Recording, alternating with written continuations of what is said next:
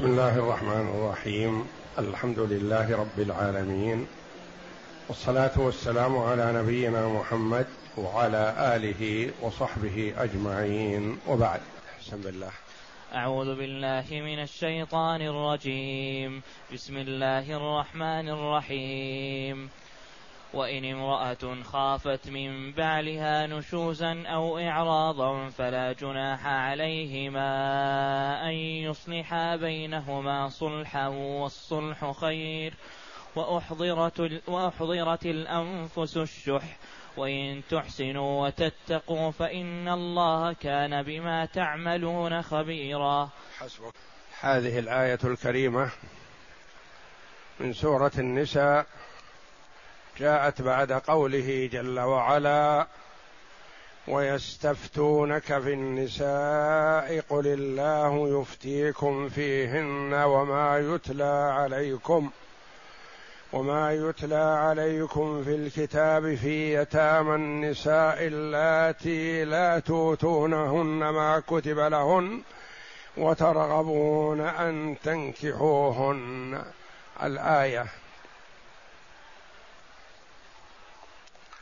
فهذه الآية الكريمة عالجت مشكلة نشوز الزوج عن زوجته.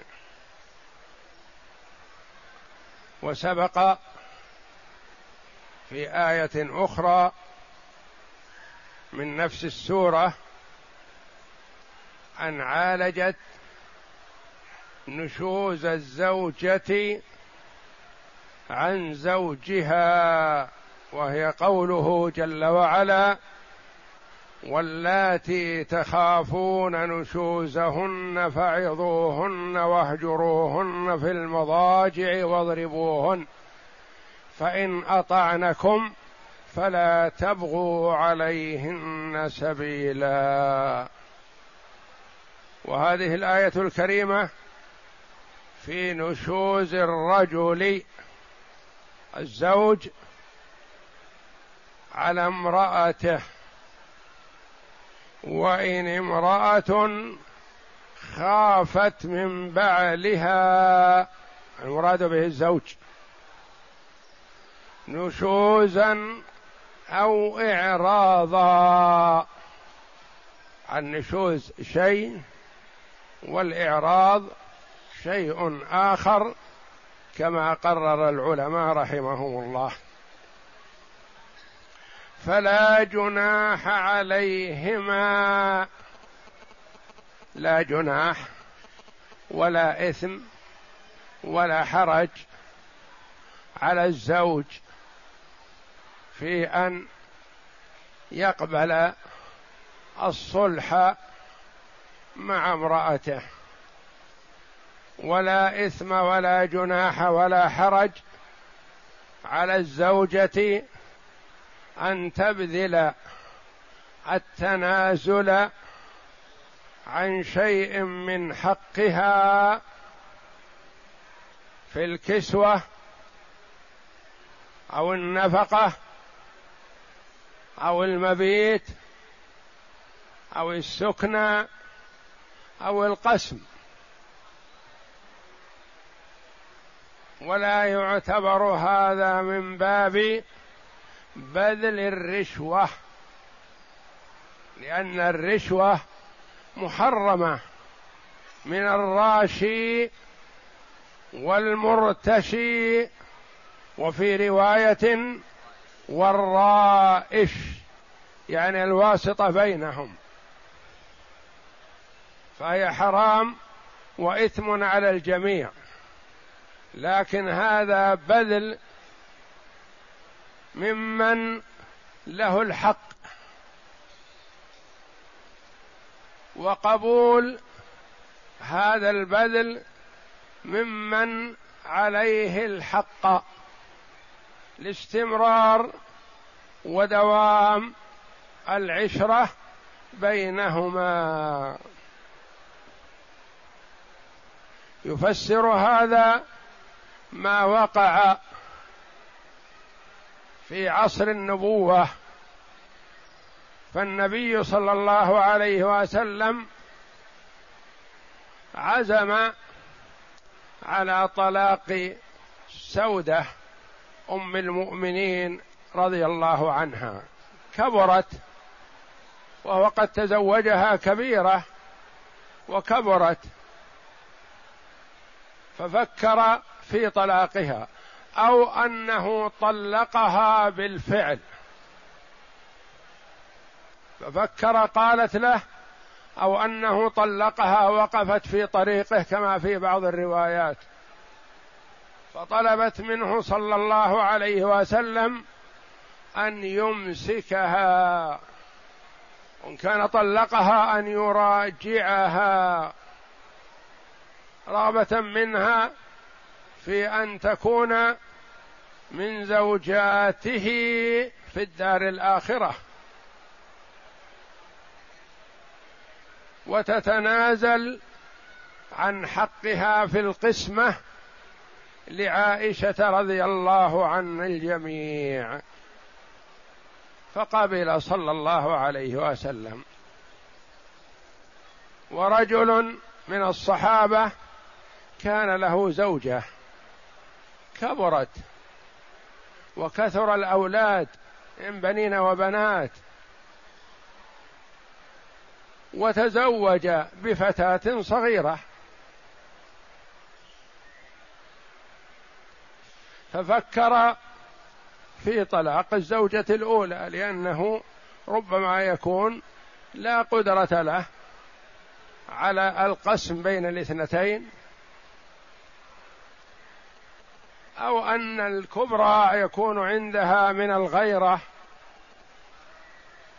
والكلام على الزوج الذي لا يطيق الصبر عليه.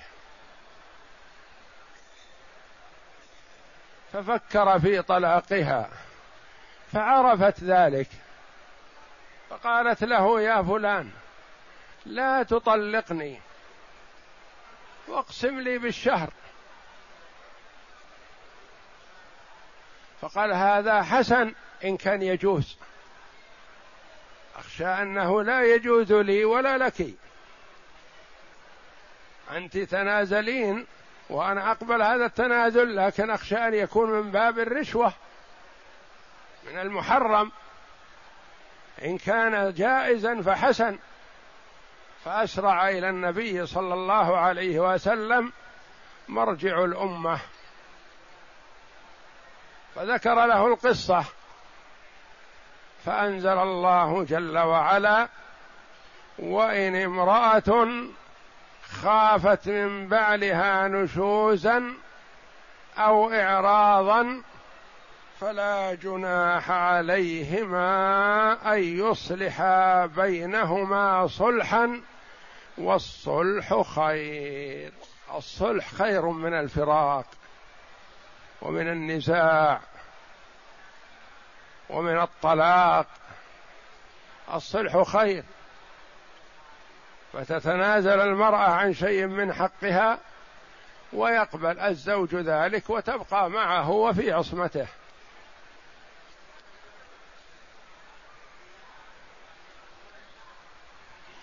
وإن امرأة خافت يعني رأت أو توقعت أو علمت من زوجها إعراض. إذا أخذ تزوج بفتاة صغيرة صعب عليه أن يقسم بينها وبين العجوز. في مشقة فخافت أن يطلقها. فلا جناح عليهما لا على الزوج ولا على الزوجة. من الصلح. فلا جناح عليهما أن يصلحا بينهما. يتصالحا على شيء مما يرضي الجميع. تبقى المرأة في عصمة زوجها ومع أولادها وتتنازل عن شيء من حقها. ولا إثم ولا حرج على الزوج أن يقبل هذا ولا غضاضة على المرأة أن تتنازل عن شيء من هذا. فهذا حصل في أمهات المؤمنين رضي الله عنهن وفي نساء الصحابة رضي الله عنهن. تتنازل الواحدة عن حقها أو عن شيء من حقها أو عن شيء من حقها وتبقى في عصمة زوجها. وهو خير من الفراق وخير من دوام الشقاق والنزاع والمعاتبة والمخاصمة. الكبيرة تخاصم الزوج فعلت وقلت وقسمت وأعطيت إلى آخره. فيبدأ فيكون مستمر في شقاق. وتعب فلا جناح عليهما لا حرج ولا غضاضة على الزوجة ولا إثم على الزوج إذا قبل هذا أو قال لها مثلا ما أستطيع القسمة وإنما أنت بالخيار تبقين معنا بدون قسمة وإلا الطلاق. فالطلاق أبغض الحلال إلى الله كما جاء في الحديث. إذا فالبقاء مع التنازل حسن. فلا جناح عليهما أن يصلحا بينهما. ثم قال جل وعلا والصلح خير في كل شيء. بين الزوج وزوجه وبين الأخ وأخيه وبين الشريك وشريكه وبين الجار وجاره وبين المشتركين في الميراث وبين المشتركين في أمر ما والصلح خير. أثنى الله جل وعلا على الصلح. وذلك أن المسألة إذا تمت عن طريق الصلح كل واحد من المتصالحين يشعر أنه تنازل عن شيء من حقه. رغبة في دوام العشرة والإلفة والمحبة بينه وبين صاحبه ايا كان. بخلاف ما إذا كان عن طريق الحكم والفصل بين الخصومات من قبل القاضي فالغالب أنها إذا انتهت من عند القاضي يتنافر الاثنان ولا يتفقان. يلزمهم القاضي بما حكم به لكن توجد النفرة بينهم. وكما جاء عن عمر رضي الله عنه أنه قال ردوا الخصوم لعلهم يصطلحوا لأن الصلح ينهي القضية بالمودة وعدم قطع العلاقات بينهم. بخلاف الحكم فهو ملزم للطرفين فقد ينتج عنه التقاطع والتباغض. وكل واحد يشعر أنه مظلوم وأنه أخذ حقه. لكن إذا كان صلح فحسن. والله جل وعلا يقول في كتابه العزيز والصلح خير.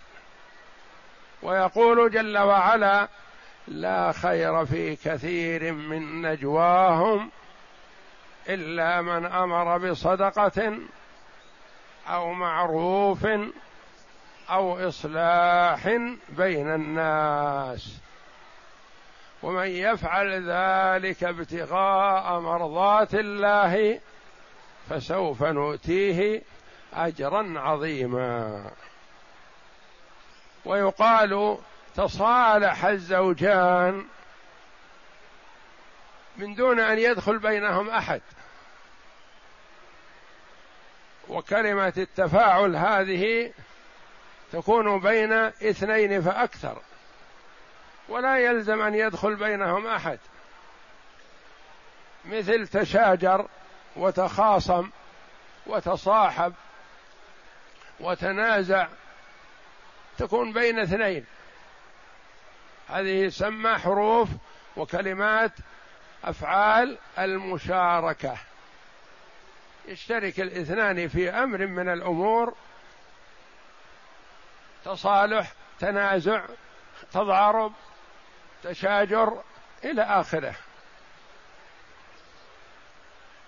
فلا جناح عليهما أن يصلحا بينهما صلحا والصلح خير.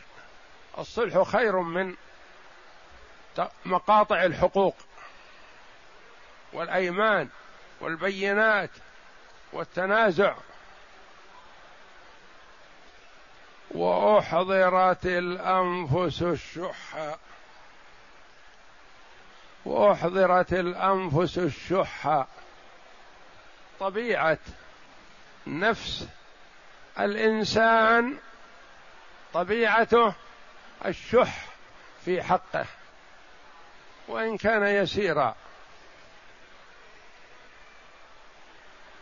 إذا أخذ منه أو رأى أنه أخذ منه قهرا أو بدون موافقة أحيانا يجلس الاثنان فيما بينهم ويتفقان على أمر من الأمور وصلح ربما يتنازل أحدهم عن مئات الآلاف محافظة على ما بينه وبين صاحبه.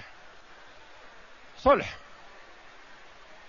لكن لو أخذ منه قلم بخمسة ريالات أو سواك بريال واحد بدون موافقته وأخذ قهرا تجده يبخل ويشح بهذا ويستصعب هذا الأمر. فطبيعة نفس الإنسان تشح في حقها فأمر الله جل وعلا وحث النفوس على أن تتخلى عن هذا. لأن هذه صفة ذميمة. والشح أعلى أنواع البخل. والله جل وعلا يقول ومن يوق شح نفسه فأولئك هم المفلحون. فيخبر جل وعلا بأن طبيعة النفوس تشح. فعلى العبد المسلم أن يعالج. نفسه عند هذا. يحاول أن يتجرد من هذه الصفة والخصلة الذميمة ويبتعد عنها. وأحضرت الأنفس الشح. وإن تحسنوا وتتقوا فإن الله كان بما تعملون خبيرا. هذا فيه ترغيب وحث وتشويق كما أن فيه تخويف ونذارة وتحذير. واعلم أيها الزوج أنك إذا صبرت وجاملت وتحملت. ووطنت نفسك على الاستمرار في العشرة المستطاعة بينك وبين زوجتك الكبيرة ولا تبتعد عنها. فالله يثيبك على هذا. مطلع.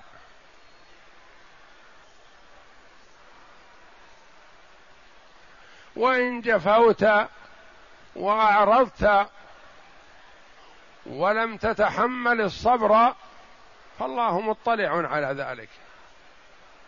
قد يحرمك لهذا ما هو خير لك. يحرمك من خير.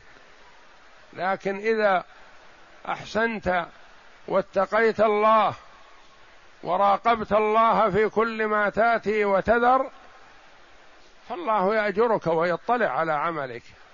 والإحسان أن تعبد الله كأنك تراه. فإن لم تكن تراه فإنه يراك. وتتقي ما يغضب زوجتك أو يغضب الآخرين أو يورث الشقاق والنزاع بين الشركاء. تتقي هذا وتحذره.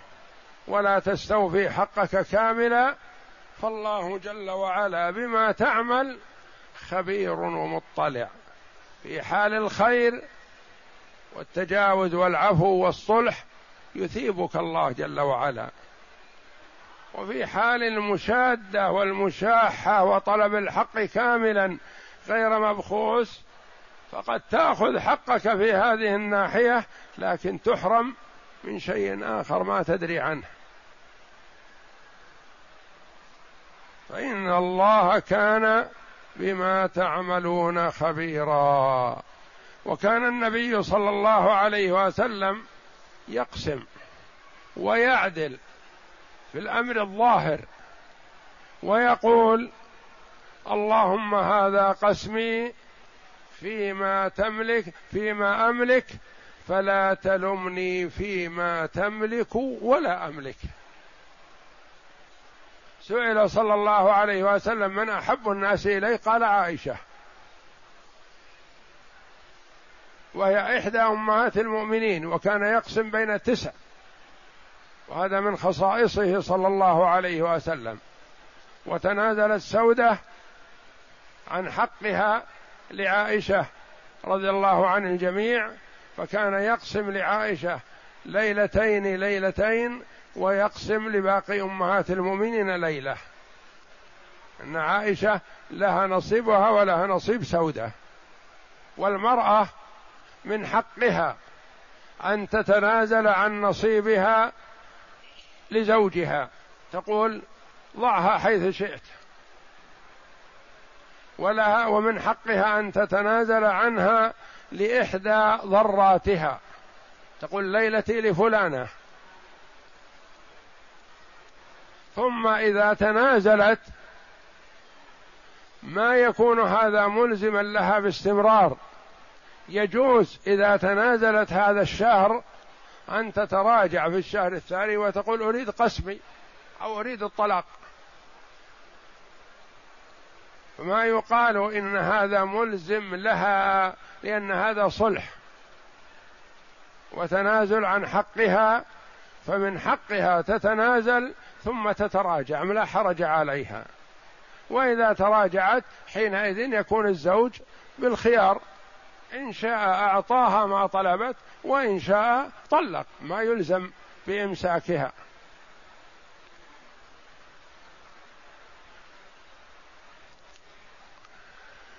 فهذه الآية الكريمة فيها عمارة البيوت وعدم تفكك الأسر.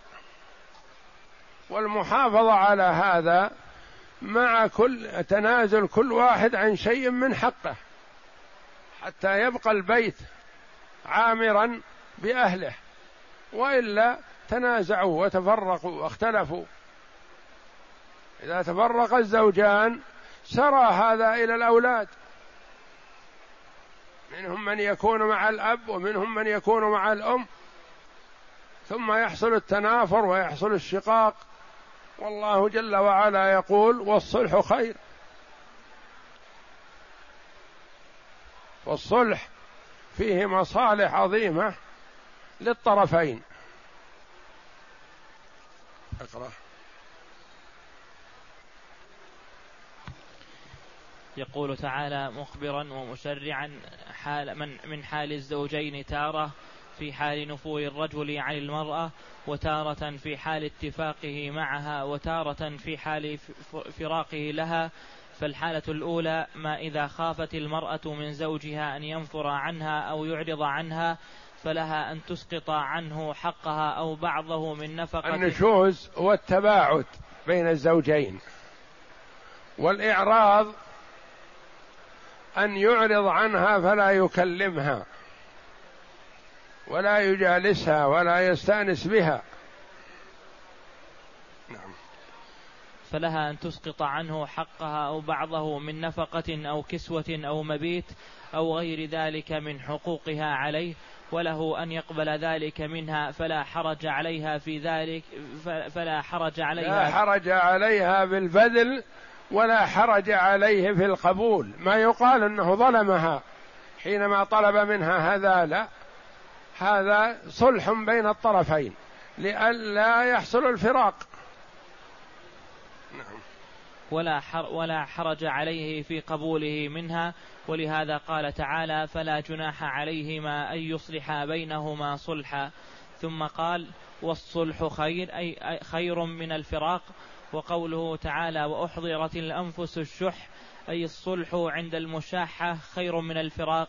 ولهذا لما كبرت سودة بنت زمعة رضي الله عنها عزم رسول الله صلى الله عليه وسلم على فراقها فصالحته على أن يمسكها وتترك يومها لعائشة رضي الله عنهما فقبل ذلك منها وأبقاها على ذلك. وسودة رضي الله عنها قالت أنا ما أريد ما يريد النساء. إنها كبرت ما أريد هذا لكني أريد أن أبقى في عصمتك لأكون من زوجاتك في الجنة. رضي الله عنها وأرضاها. محبة للنبي صلى الله عليه وسلم والاتصال به في الدنيا والآخرة. نعم. وروى ابن جرير رحمه الله عن عائشة رضي الله عنها في قوله تعالى وإن امرأة خافت من بعلها نشوزا أو إعراضا فلا جناح عليهما أن يصلحا بينهما صلحا والصلح خير.